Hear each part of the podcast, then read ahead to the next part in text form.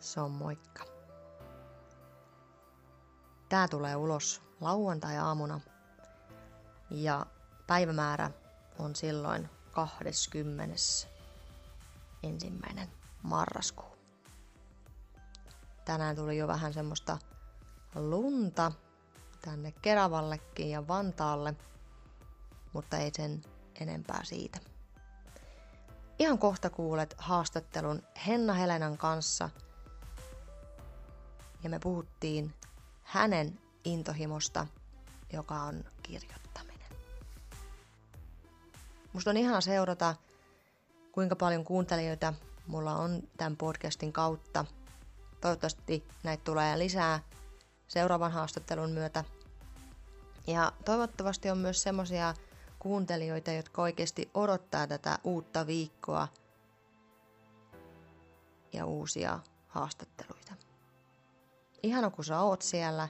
Mä toivotan sulle mukavaa lauantai-päivää tai jos kuuntelet joku muu, muun ajankohtana, niin ihanaa päivää.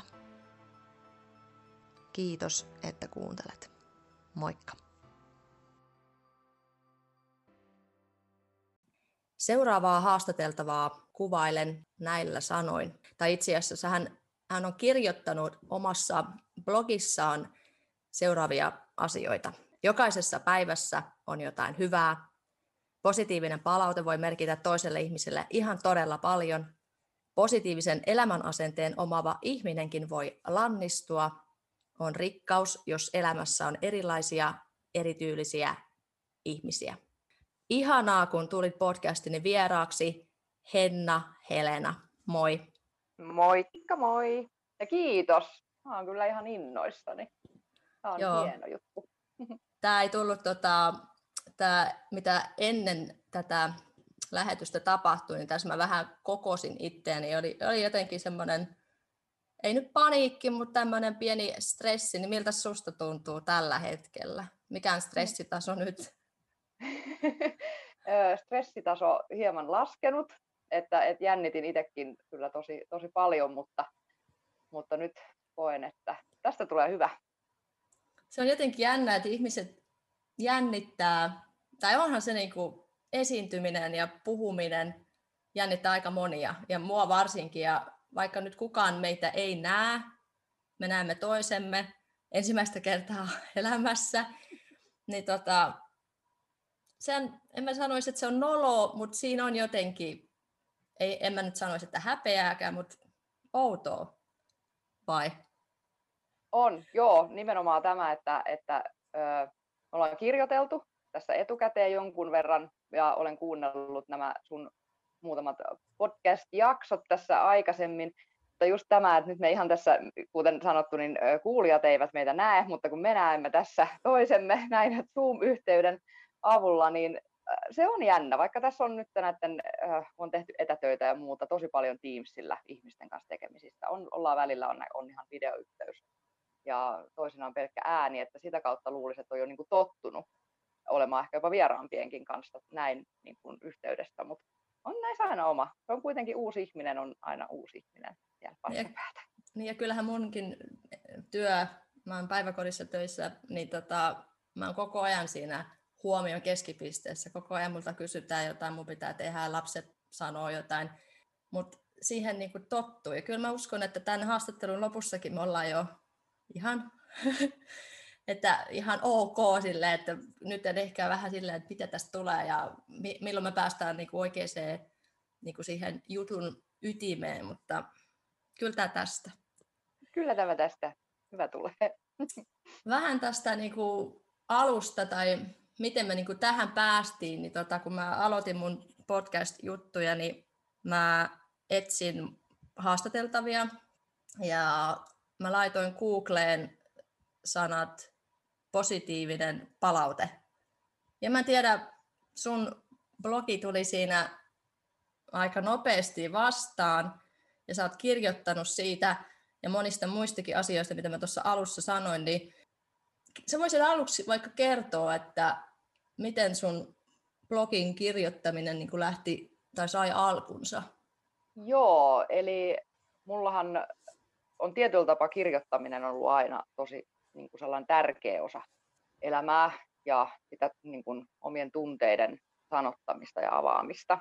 Että ihan sieltä asti, kun on oppinut kirjoittamaan, niin kaiken näköisiä tarinoita ja, ja sitten on ollut paljon kirjekavereita ja, ja tietysti päiväkirjat, ja, mitkä nykyään on sellaisia, oh, että niitä ei niin kuin, enää lueta, niitä ala-asteen ja yläasteen, mutta tota, ää, sitten somen myötä tietysti se, että että et jotenkin niin kun oli, on ollut niin kun ihana kirjoittaa ihmisille päivityksiä vähän sitten päivän kuulumisia ja näin. Ja sitten alkoi, aloin niin Facebookin puolella huomaamaan, että mun päivitykset alkoi vähän pidentymään ja, ja vähän sellaista enemmän ajatuksia herättävää pohdintaa. Ja löysin myös blogit, oli muutama sellainen blogi, mitä tykkäsin seurata, lueskella ja jotenkin alkoi iskemään sellainen pien kipinä, että vitsi, että mäkin haluaisin. Että toihan olisi toisaalta aika hienoa ja varsinkin kun ihailin niitä, joilla on oikeasti se kyky kirjoittaa niin kuin tuoda niitä ajatuksia ja tunteita siellä.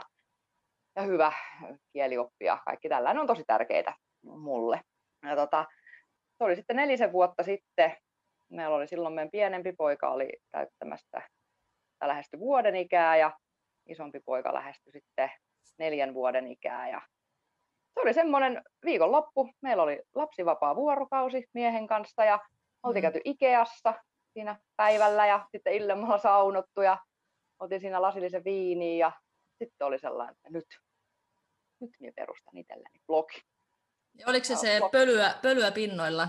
Joo, joo, kyllä. Se mun, se mun ensimmäinen, ensimmäinen tota, blogi. Ja kyllä, se, se syntyi ihan siinä lauantai-iltana, lokakuisena lauantai-iltana sohvan nurkassa istuen blokkerin kautta ihan ja, ja nimikin tuli. En, en, en ihan hirveän pitkälle miettinyt. Tota, siinä mietin, että mikähän olisi hyvä, hyvä nimi blogille ja vähän aikaa siinä kattelin ympärilleni ja, ja, tota, ja sitten oli tota, toi Olkkarin siis pöytä, siis tällainen sohvapöytä, musta. Mm, ja, niin. ja tota, oli vähän pölynen Joo. se pinta siinä. Myös tämähän kuvaa just pölyä pinnoilla, että kuvaa just sitä elämänvaihetta, pienet lapset ja ei oikein niin kuin nosta prioriteetit ja siivoamisessa ja siinä pintojen pyyhkimisessä. Ja, ja nyt itse asiassa kun ajattelee, niin kyllä, että et niin kuin kauniskin pinta, mutta siinä voi päällä olla sitten sitä pölyä. Että voi... Mutta oliko sulla heti alussa siinä, että kun sä kirjoitat blogia, voihan se on siis erilaisia blogeja on olemassa, mutta oliko sulla alussa, alusta asti semmoinen, että, että sä kerrot rehellisesti, millaista teidän tai sun elämä on, sun tunteista, sun arjesta. Että sehän on kuitenkin semmoinen aika rohkea juttu, vai? Joo, joo, kyllä, että et, tota, aika äkkiä se itse asiassa just siihen, siihen suuntaan se meni, että, että se oli, niin kuin, oli niistä tunteista ja, ja just meillä oli tämä pienempi poikakin, oli sellainen aika kova heräilemää öisin ja pitkään semmoinen. Ja miehän oli siis ihan univeloissani sitten tietysti, ja se näkyy ja kuulu siinä arjessa ää, niin se blogi oli myös niin kuin tällä tavalla, oli sellainen tietynlainen purkauskeino, plus sitten se, että sitä vertaistukea.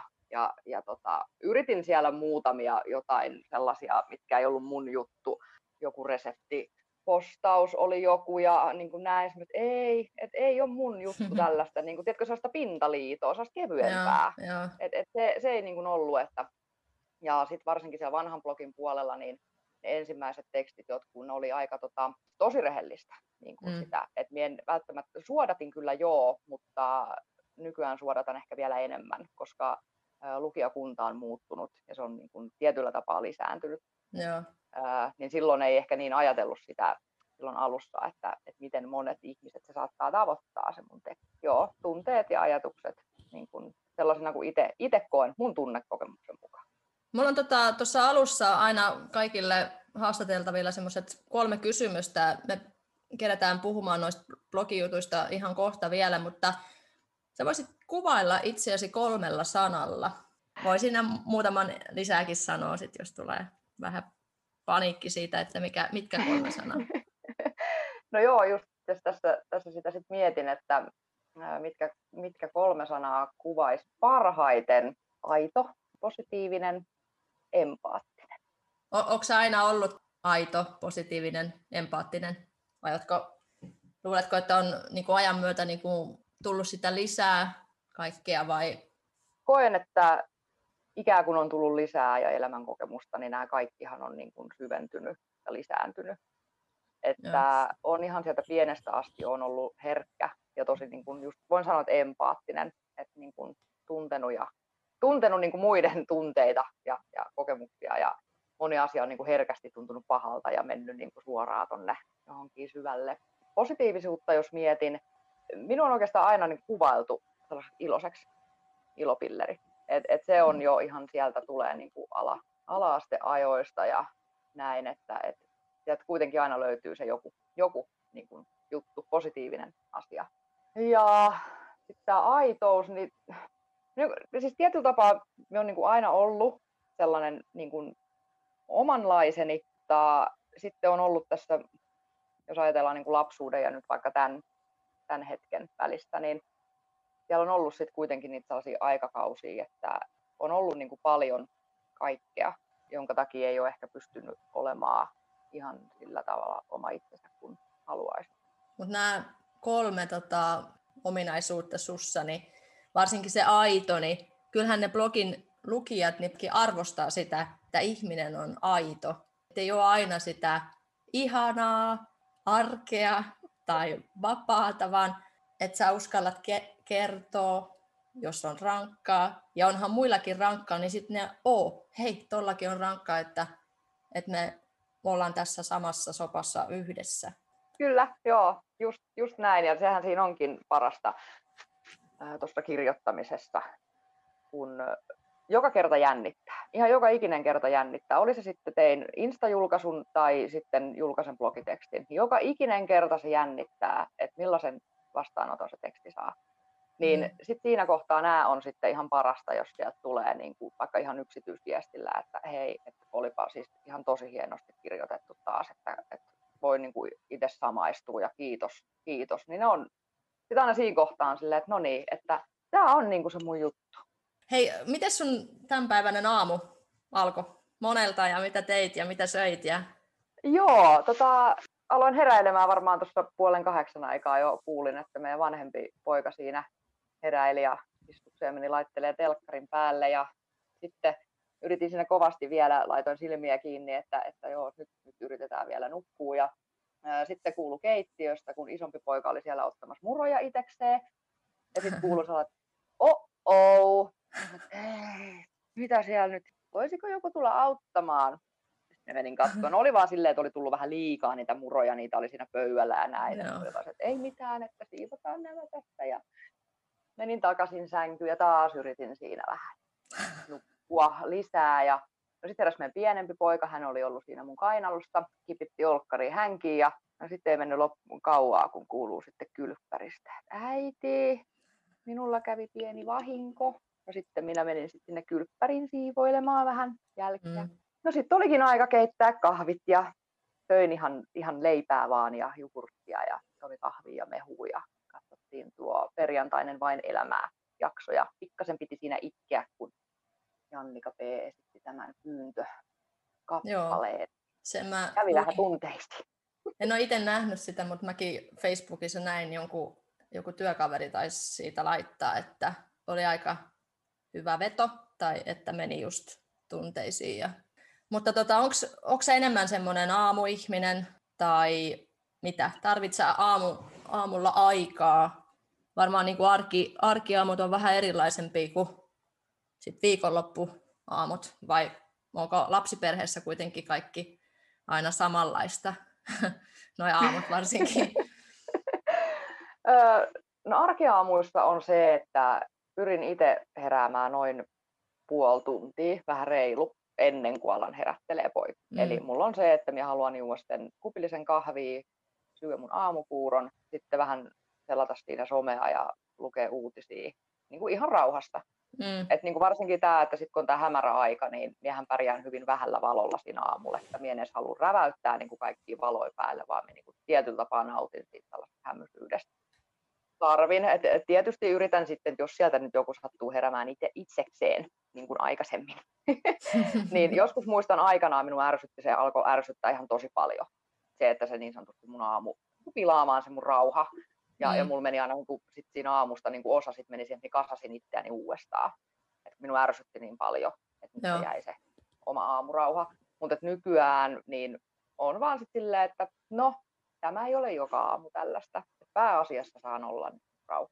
Ja viikonloppuisin sitten on sitten taas se, että pojathan heräilee niin kuin ennen meitä siinä pikkuhiljaa ja laittavat just telkkarin päälle ja näin. Ja sitten myö kömmitään jossain vai- vaiheessa ylös miehen kanssa ja sitten on aamupalat ja katsotaan just jotain, just joku vain elämää tai, tai muu niin kuin ohjelma siinä aamulla sitten porukalla ja otetaan niin kuin oikeasti hitaammin se aamu. Rauhallista ei välttämättä ole, mutta että hitaammin silleen, että, että kello saattaa olla vaikka lähempään 11, kun vie vaihan niin kuin yövaatteet päivävaatteisiin ja, ja näin. No niin. et, et, mutta se, että onko aamu vai ilta ihminen, no iltasin on niin tosi väsyksissä, et, et vaikka sitten taas toisaalta tuntuu, että silloin saisi ehkä enemmän jotain niin kuin inspiraatioa ja näin. Sitten taas aamuista ajattelen edelleen, että se on kuitenkin aina niin kuin uuden päivän alku.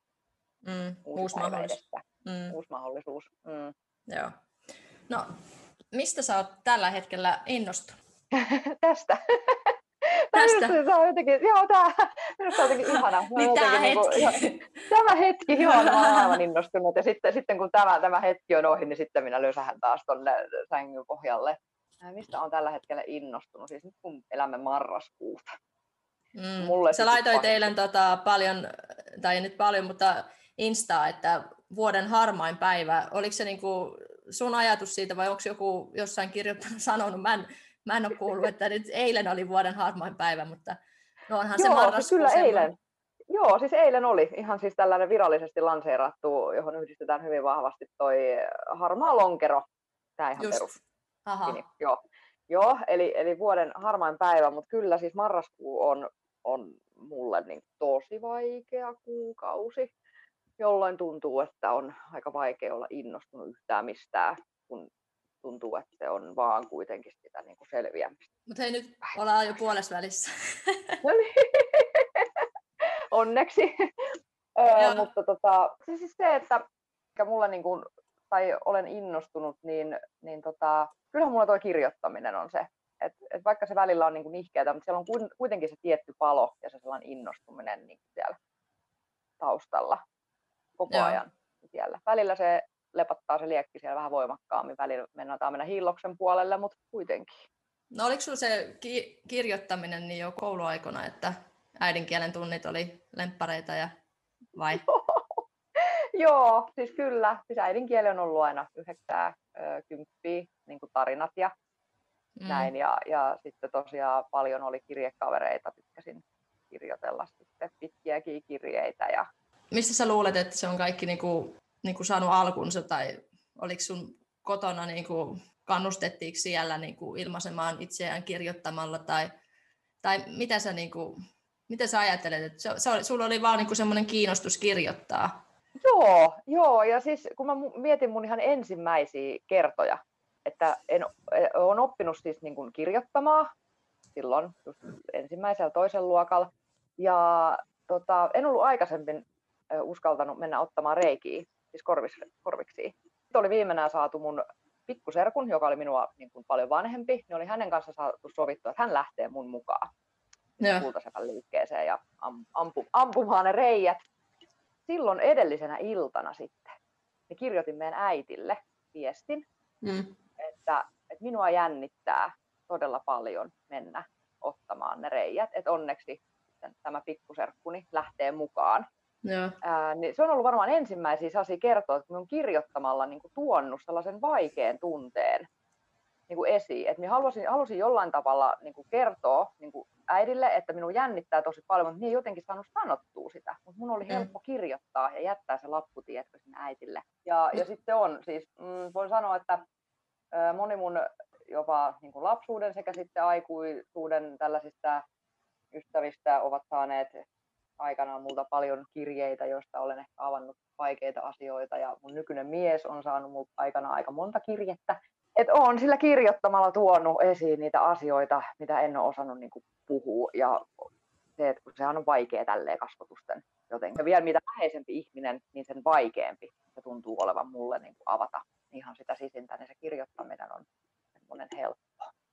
Mulle helppo. sä kirjoitat paljon eri aiheita tuolla blogissa, mutta mä oon nyt muutaman tai kolme blogipostausta ottanut ja voidaan niistä puhua vähän enemmän ja jos tulee jotain sen ulkopuoleltakin jotain ideoita, niin totta kai voi sanoa. Mutta tämä ensimmäinen on tämän vuoden puolella, tai sä oot kirjoittanut, että hyviä hetkiä ja voimavaroja arjessa. Et mä innostuin heti, kun luin sen, että sä olit kirjoittanut niistä. Et kun kaikilla on meillä yhtä paljon tunteja täällä tässä päivän aikana, 24, niin pitää käydä töissä ja pitää hakea lapset ja pitää harrastaa ja kotisiistinä olla ja tehdä ruokaakin ja nukkua välissä, niin tota, mä kysyisin tässä ekana, että mitä niin kuin sana arki sulle merkitsee? Vaikka se välillä niin kuin tahmelta tuntuukin, mutta arkihan on kuitenkin niin kuin se, mitä me eletään. Eihän mm. meistä niin kuin kellään ole sellaista niin kuin, tiedätkö, yhtä ilotulitusta ja juhlaa niin kuin päivästä toiseen. Mm. Ja jos olisi, niin mä miettin sitä, että sekin voisi olla loppupeleissä vähän tylsää. Se, että koko ajan oltaisiin tällaisessa ilotulituksessa. Ja... Niin kyllä arki on niin kuin... Siis minä olen rutiineja rakastava ihminen. Minä rakastan sitä, että mulla on säännöllinen työaika, mun viikonloput on vapaata. Se, että lasten kanssa on niin kuin se tietty päivärytmi ja itsellään se tietty päivärytmi. Mm. Kyllä niin kuin ar- arki on sellainen, se on se perusta. Välillä vähän nihkeämpää ja ja sitten sinne tulee sit niitä pieniä tai niitä hyviä hetkiä, juhlaa ja näin, ne arjen sekaa.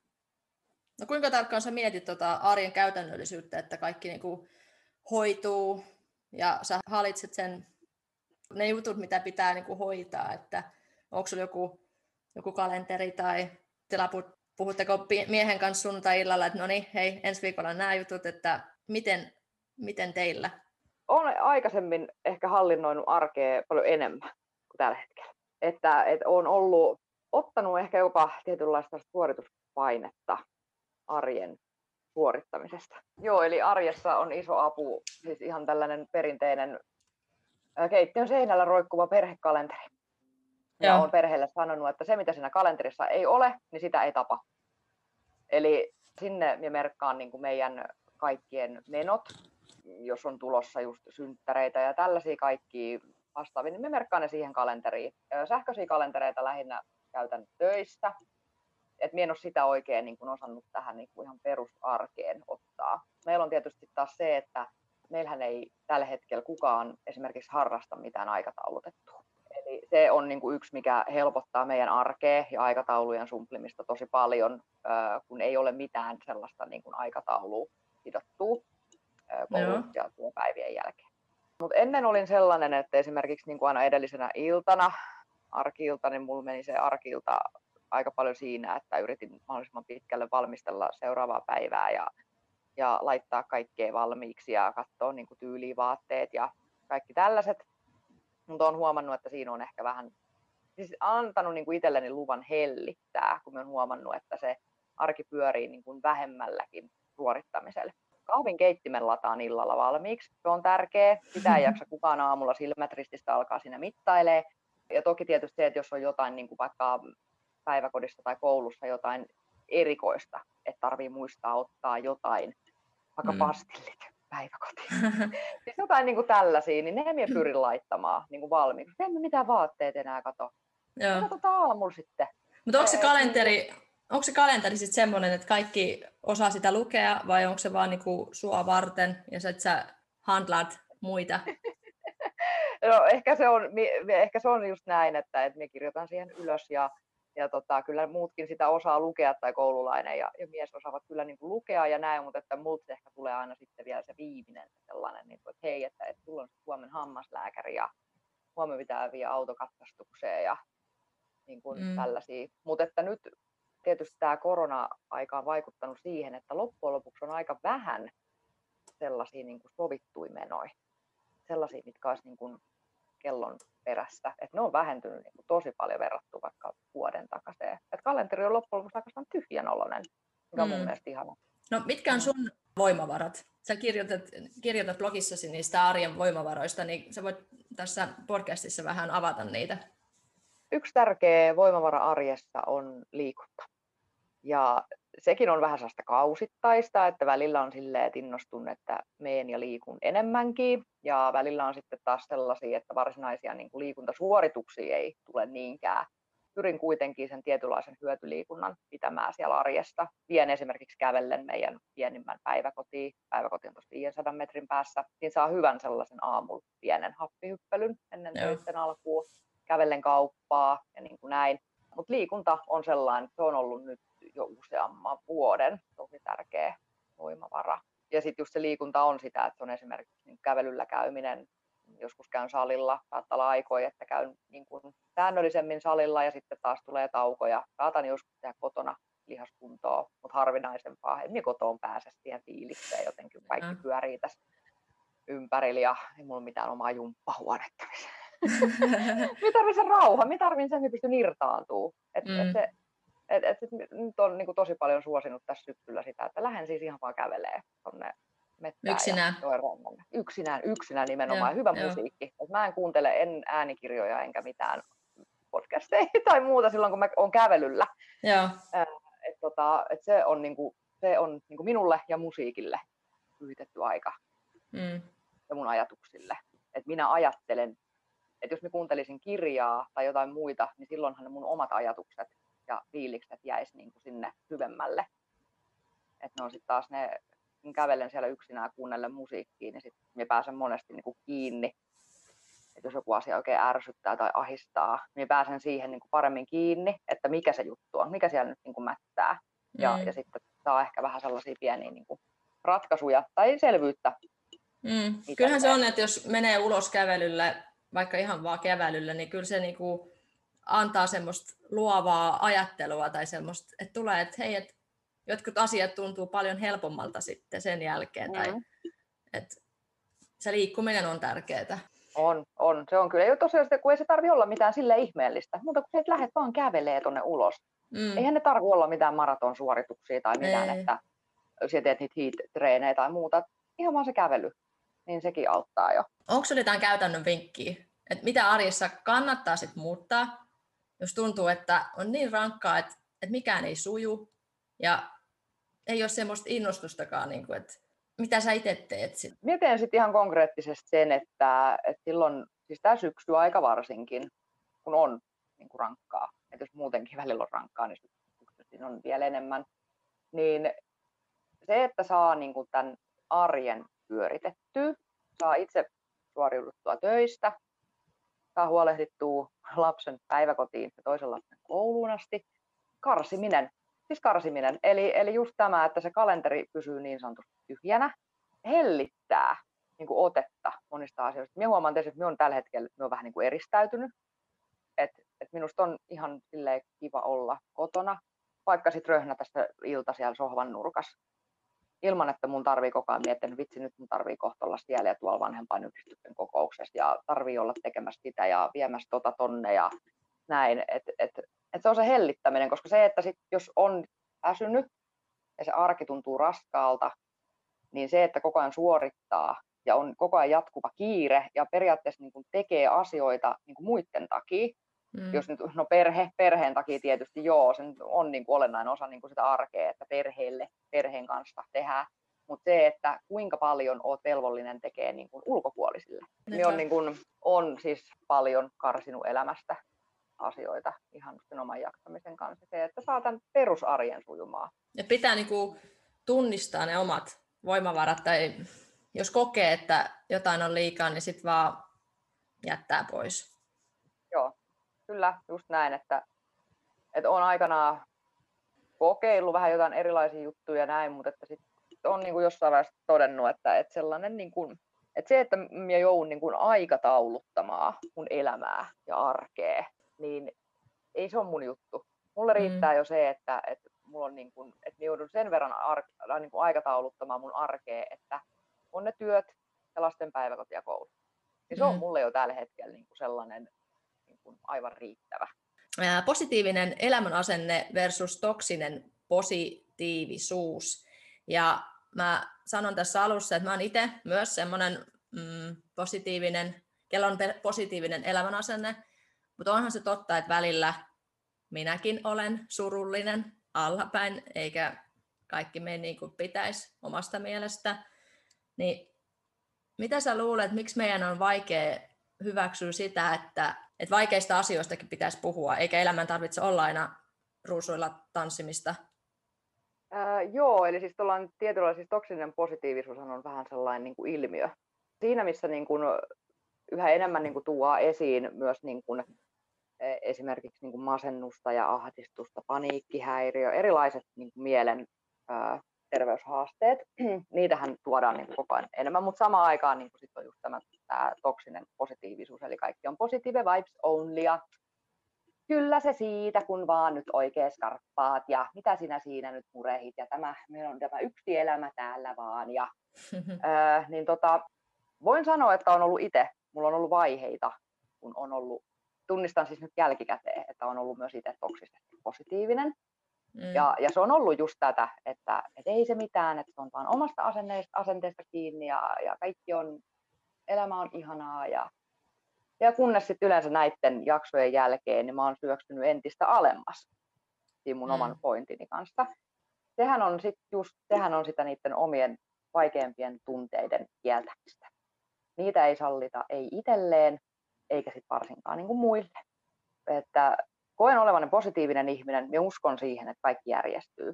Elämässä on kuitenkin on myös tosi tosi paljon hyviä asioita, vaikka mm. välillä mentäisikin vähän siellä pohjamudista, mutta nykyään minä sallin itselleni paremmin ne tunteet, että okei, tänään on päivä, kun ahistaa, tänään on tällainen päivä, mun ei tarvi nyt tänään olla yhtään tämän enempää, koska huomenna voi olla toisenlainen fiilis kun sitten taas se, että me taistelen sitä vastaan, että ei, nyt alkaa ahistaa, ei, nyt ei mistään tapauksessa, ei saa ahistaa, kun mun tarvii olla vaan positiivinen ja iloinen niin. ja tsempata muita ja positiivinen vibes on ja sehän tuplaantuu se ahistus, kun sitä ei anneta niin kuin tilaa tulla, eikä sit sillä anneta tilaa niin kuin tuntea tunnetta. Ja yleensä siis masennus, ahdistus, nämä kertoo kaikki jostain, mm. että siellä sisimmästä on jotain, mikä niin kuin yrittää tulla ulos. Ja sitten mm. jos sitten vaan koko ajan torpataan sinne alas ja alas, että ei, älä tule, älä tule, minulla ei ole tilaa sinulle nyt, niin jossain vaiheessa sitten kosataan. Jossain vaiheessa tapahtuu se räjähys, pohjalle syöksyminen. Että kyllä ne kaikki tunteet kuuluu niin tähän elämään. Ja, ja se, että, että toisilla on yksinkertaisesti haastavampaa kuin toisilla. Ja me koetaan asioita eri tavalla. Et, et, niin kuin joo, voinhan minä sanoa myös tuolla ihmisille, että hei, älä murehi, kyllä ne asiat siitä järjestyy. Ja samalla me torppaan sen toisen tunnekokemuksen siinä kohtaa, että jos oikein ahistaa, on surullinen fiilis. Ja sitten mä vaan se, että hei, kyllä se siitä hei. Aloitat huomisen aamun sitten vähän paremmalla asenteella tähän päivään. Miksi esimerkiksi pojille sanotaan, tai mä oon ainakin ymmärtänyt sen joskus lapsuudessa, että pojat ei saa itkeä, eikä, eikä niinku saa näyttää jotenkin tunteita, mutta mun mielestä just mitä väliä silloin, onko poika vai tyttö, siis totta kai saa. Ja, niin kuin, ja jos lapsella on vaikka paha olo tai vaikka aikuisella, niin just, että niin kuin, hei, sulla saa olla se tunne. Sulla tuli se huono olo, ja et, et, et, just niin kuin sä sanoit, että ah, se menee ihan kohta ohi. Vaan että lapseltakin voi kysyä, että mikä sua harmittaa siinä, siinä asiassa. Siinä, okei, okay, että leikit meni toisen kanssa huonosti, niin, että just niin kuin antaa niin kuin lapsenkin ymmärtää, että minkä takia se harmitus tuli ja että vähän niin kuin selittää niitä tunteita niin kuin sanoilla. Sekin ymmärtää. Ja sama, sama juttu niin kuin itsellä niin kuin aikuisenakin, vaikka itsekseen käy niitä asioita läpi, niin sitten vähän niin kuin, että tämä on ihan sallittu, että mä oon surullinen, koska on just tämä juttu mulla meneillään, niin sitähän oppii. Olisi tärkeää oppia. Mutta mitä mieltä sä oot siitä, että, että pojat pojille ei ole sallittu näyttää tunteita. Onko sulla joku semmoinen käsitys tullut tai onko se sun mielestä ihan väärä, mitä mä sanoin?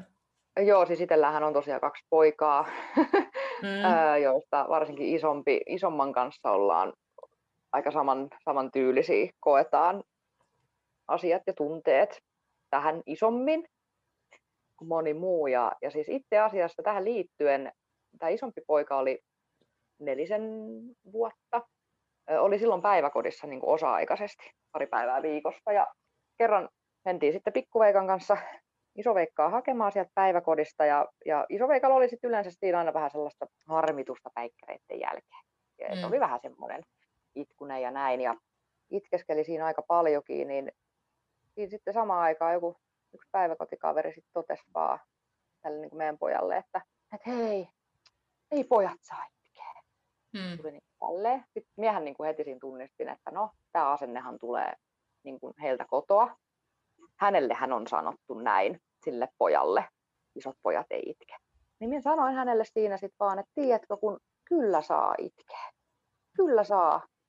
Että kyllä meillä ainakin saa pojat itkeä. Sitten se meni vähän, toinen poika, se meni hiljaiseksi. Ei se alkanut siinä sitten enempää. Vanhemmalla sukupolvella varsinkin tämä. Miehille tai pojille on vaikeampi näyttää tunteita tai mun mielestä. Että siitä pitäisi jotenkin mennä eteenpäin tai oppia. Että...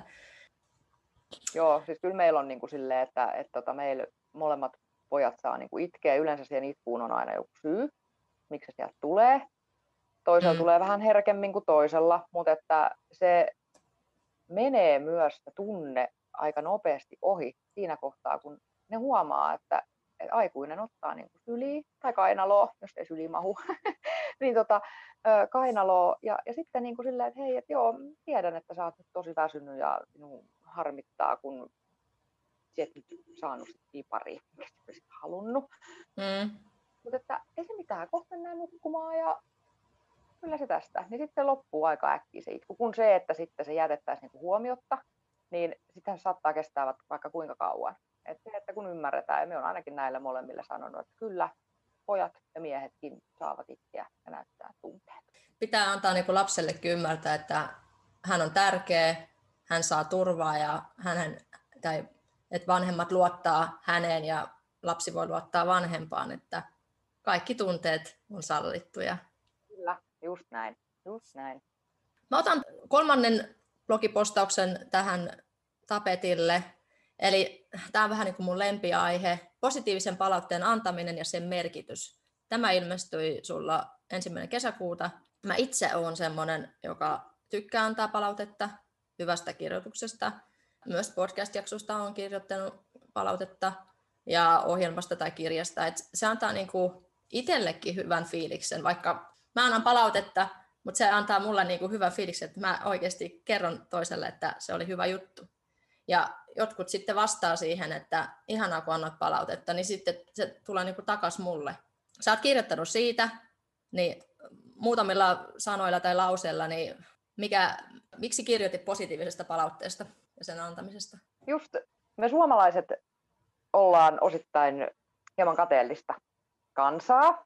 Tätä ei käy nyt sitten kieltäminen siellä myös, viro, myös virolaiset. niin, ja varmaan aika, ja suomalaisistahan se kateus ilmenee niin, että, että, että jos minäkään, niin ei tuo toinenkaan. Jos sitten taas verrataan vaikka Yhdysvalloissa, kulttuurihan on aivan erilainen, jos ollaan niin kuin kateellisia jolleen tulee että ei vitsi, että mäkin haluan. Että mä mm. haluan pyrkiä tuota samaa kohti, kun suomalaiset sitten taas yrittää vähän torpata, vähän äh, niin sanotusti hiljentää ja vähän painaa sitten, että tuua niin sanotusti palauttaa maan pinnalle asioista, mm. että hei, että mitä sä nyt tollasia hömpötyksiä, näin. Niin itse koen, että positiivinen palaute on siis ihan tosi tärkeää, koska jos ajattelee niin kuin vaikka oman ton kirjoittamisen suhteen ja näin, että vaikka on niitä fiiliksiä, että jännittää, jotkut tekstit ehkä jopa hävettää, ja, ja tot, kun sieltä tulee se positiivinen palaute, että hei vitsi, että olipa muuten taas hyvin kirjoitettu ja näin, niin sitten on se wow, että kyllä, tämä tuntuu niin hyvältä tai, tai töistä tulee työkaveri, että, että hei kiitti, olipa hienosti hoidettu tämä homma. Vau, kiitos, kiitos tosi paljon. Sitten silleen, että no ei, ei mitään, että ole hyvä. Se, just se, että kun, kun sanotaan, että vaikka työelämässäkin, että joo, että, että kaikki menee hyvin silloin, kun ei kuulu mitään. Että, että jos et saa mistään mitään palautetta, niin sitten luotat siihen, että se homma toimii.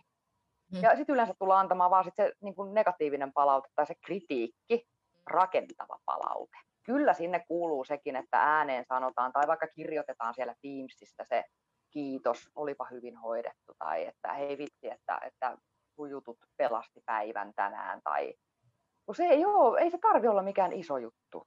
Mutta se on suomalaisille so vaikeeta. Mä ymmärrän, koska mullakin on siinä. Mä tiedän, että mullakin on skarpattavaa siinä.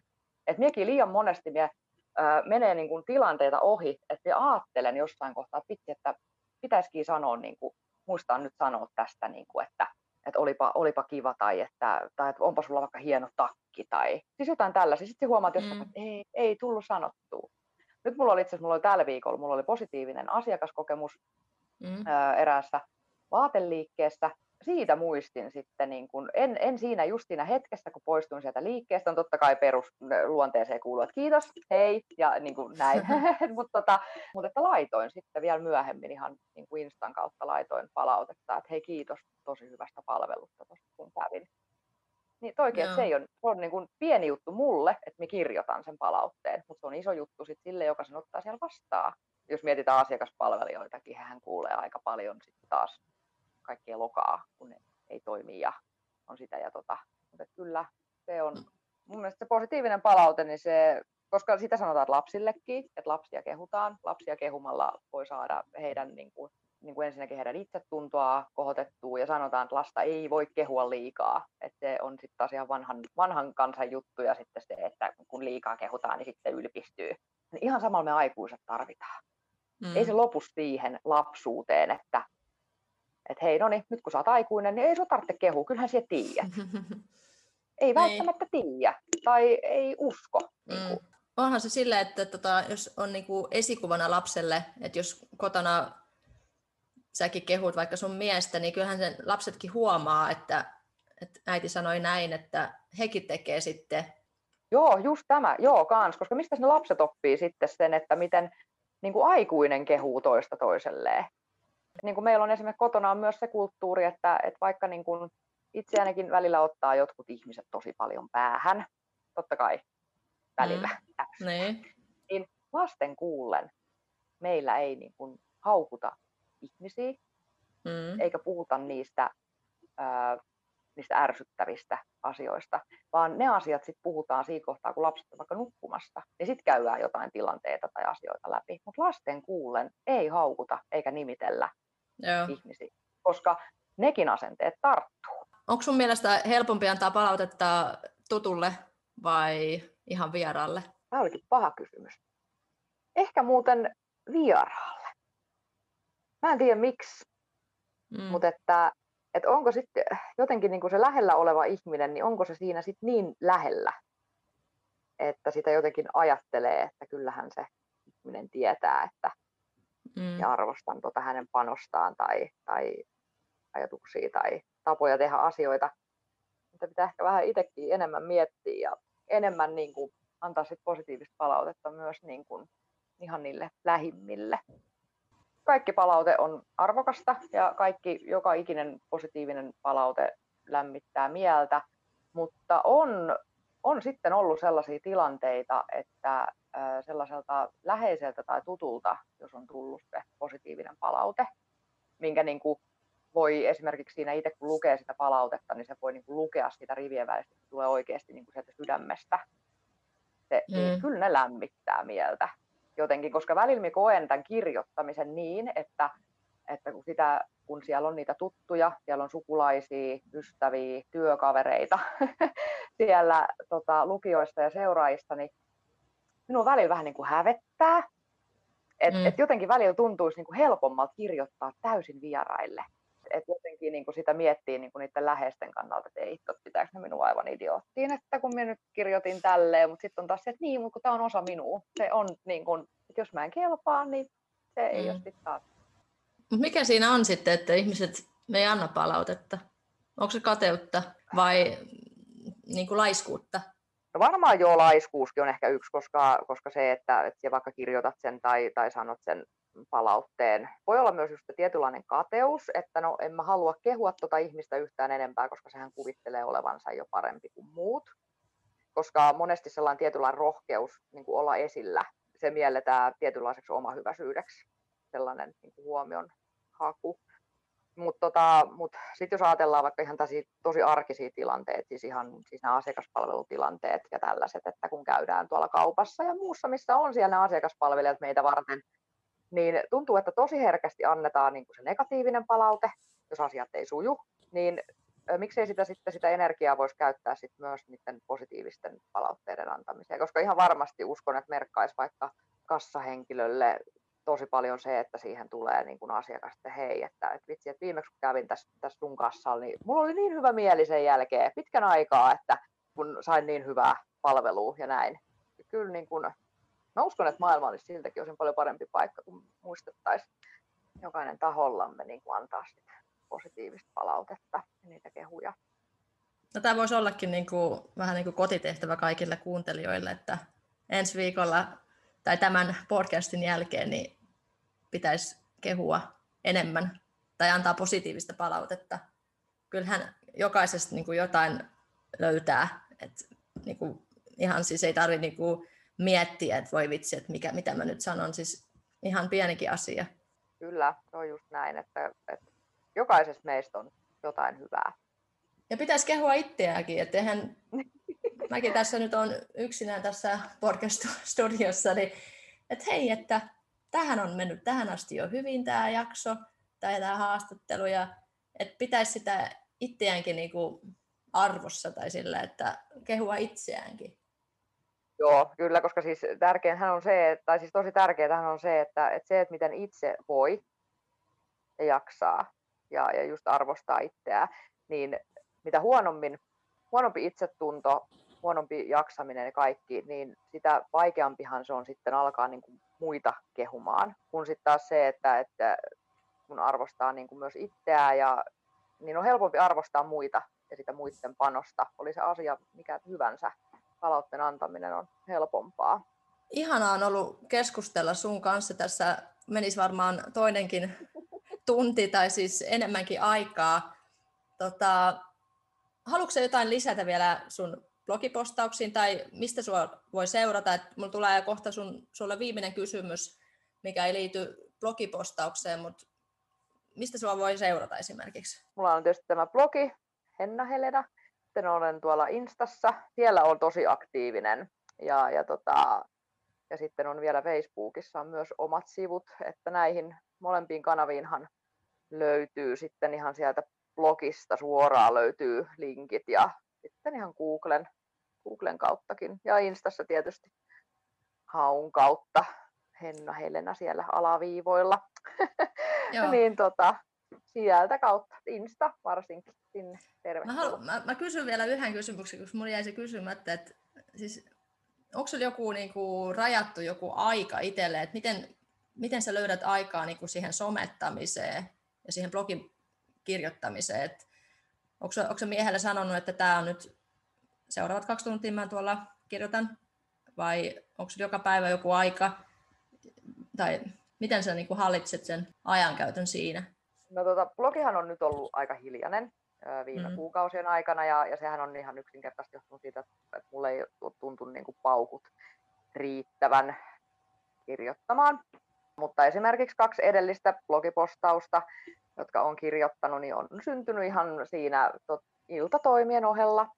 Puhelimella olen ne näpytellyt ja lisännyt kuvat ja samassa on noin Insta-julkaisut on kanssa, että ne tekstithän niin kuin ne tietyllä, tietyllä tapaa prosessoin päässä, että et aina niin kuin se, että joku tietty aihealue ja näin, niin sehän niin kuin päivän tai sitten pidemmänkin aikaa, niin se niin kuin ajatustasolla, ja sitten mä vaan alan kirjoittaa, että pidemmät Insta-julkaisutkin, niin ne syntyy yleensä siinä niin kuin iltatoimien ohella, saan sitten ajatukset purettua ihan niin mm. kirjoitetuksi tekstiksi, niin.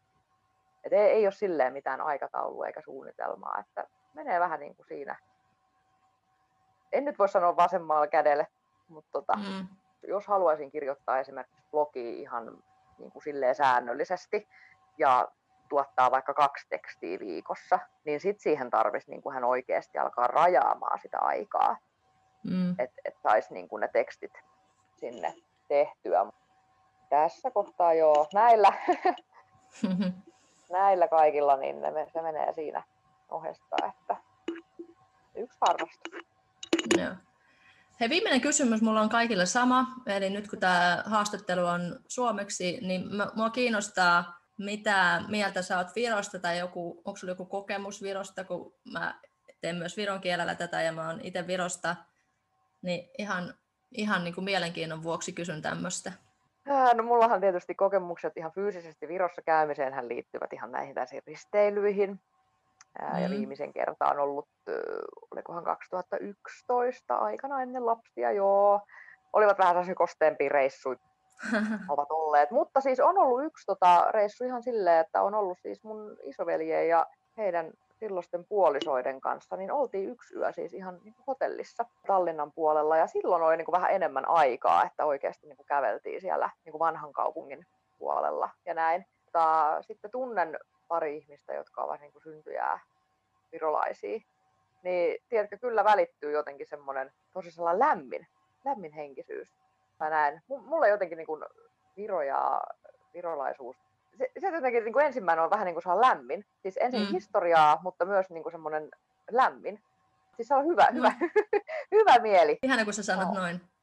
Joo, Joo. ole hyvä. mutta sä siis tunnet, tunnet muitakin virolaisia?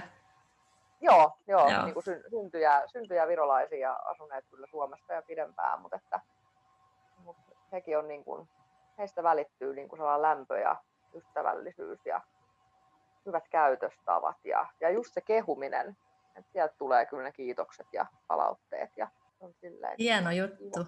Hyvä Viro. kiitos sulle. kiitos, kiitos.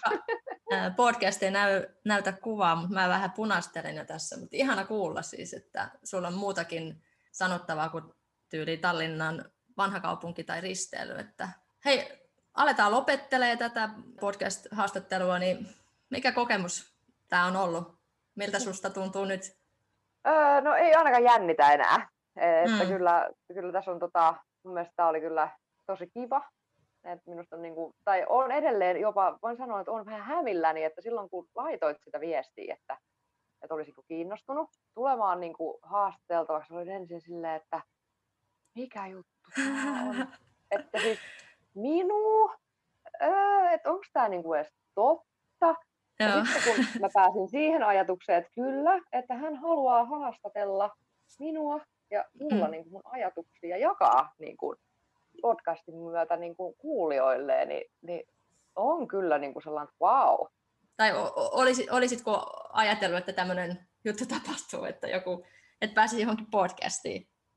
No ei, ei todellakaan kyllä nyt ole käynyt ihan niin kuin pienessä mielessäkään, että itse joka on niin kuin vaan tyytyväinen, että ihanaa toi jako mun Insta-julkaisun eteenpäin, mm. että kun se taso on ollut niin kuin tämä.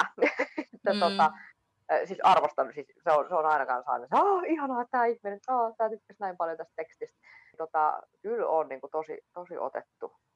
Tämä on mm. niin kuin, jotenkin ihana. Ihana, että haluu, niin kuin, sinä halusit haastatella ja kuulla niin kuin enemmän mun aiheista, mistä on kirjoittanut ja mitä on avannut tuolla. Kun se on just sitä, että paljonhan me kuullaan, no mä sanon nyt, että julkisten tarinoita. Me ainakin, mä, mä, mä, mä, mä luulen, että mä voin sanoa, että me tavikset, tavalliset ihmiset, Joo. niin tota, kyllähän meilläkin on sanottavaa. Kyllähän meilläkin niin kuin, on ajatuksia. Ja meidänkin ääni pitäisi olla enemmän niin kuin esillä. Tai tämän takia mä halusinkin niin kuin, etsiä ihmisiä, jotka tekee jotakin, mikä inspiroi heitä ja varmasti inspiroi muitakin. Ja sä oot yksi niistä. Kiitos. kiitos tosi paljon. Tämä on, kuten sanoin, tämä on kunnia mulle. Mm. Tämä on tosi ihana juttu. Ja mä toivotan sulle ihanaa päivän jatkoa ja kaikkea hyvää. Kiitos samoin.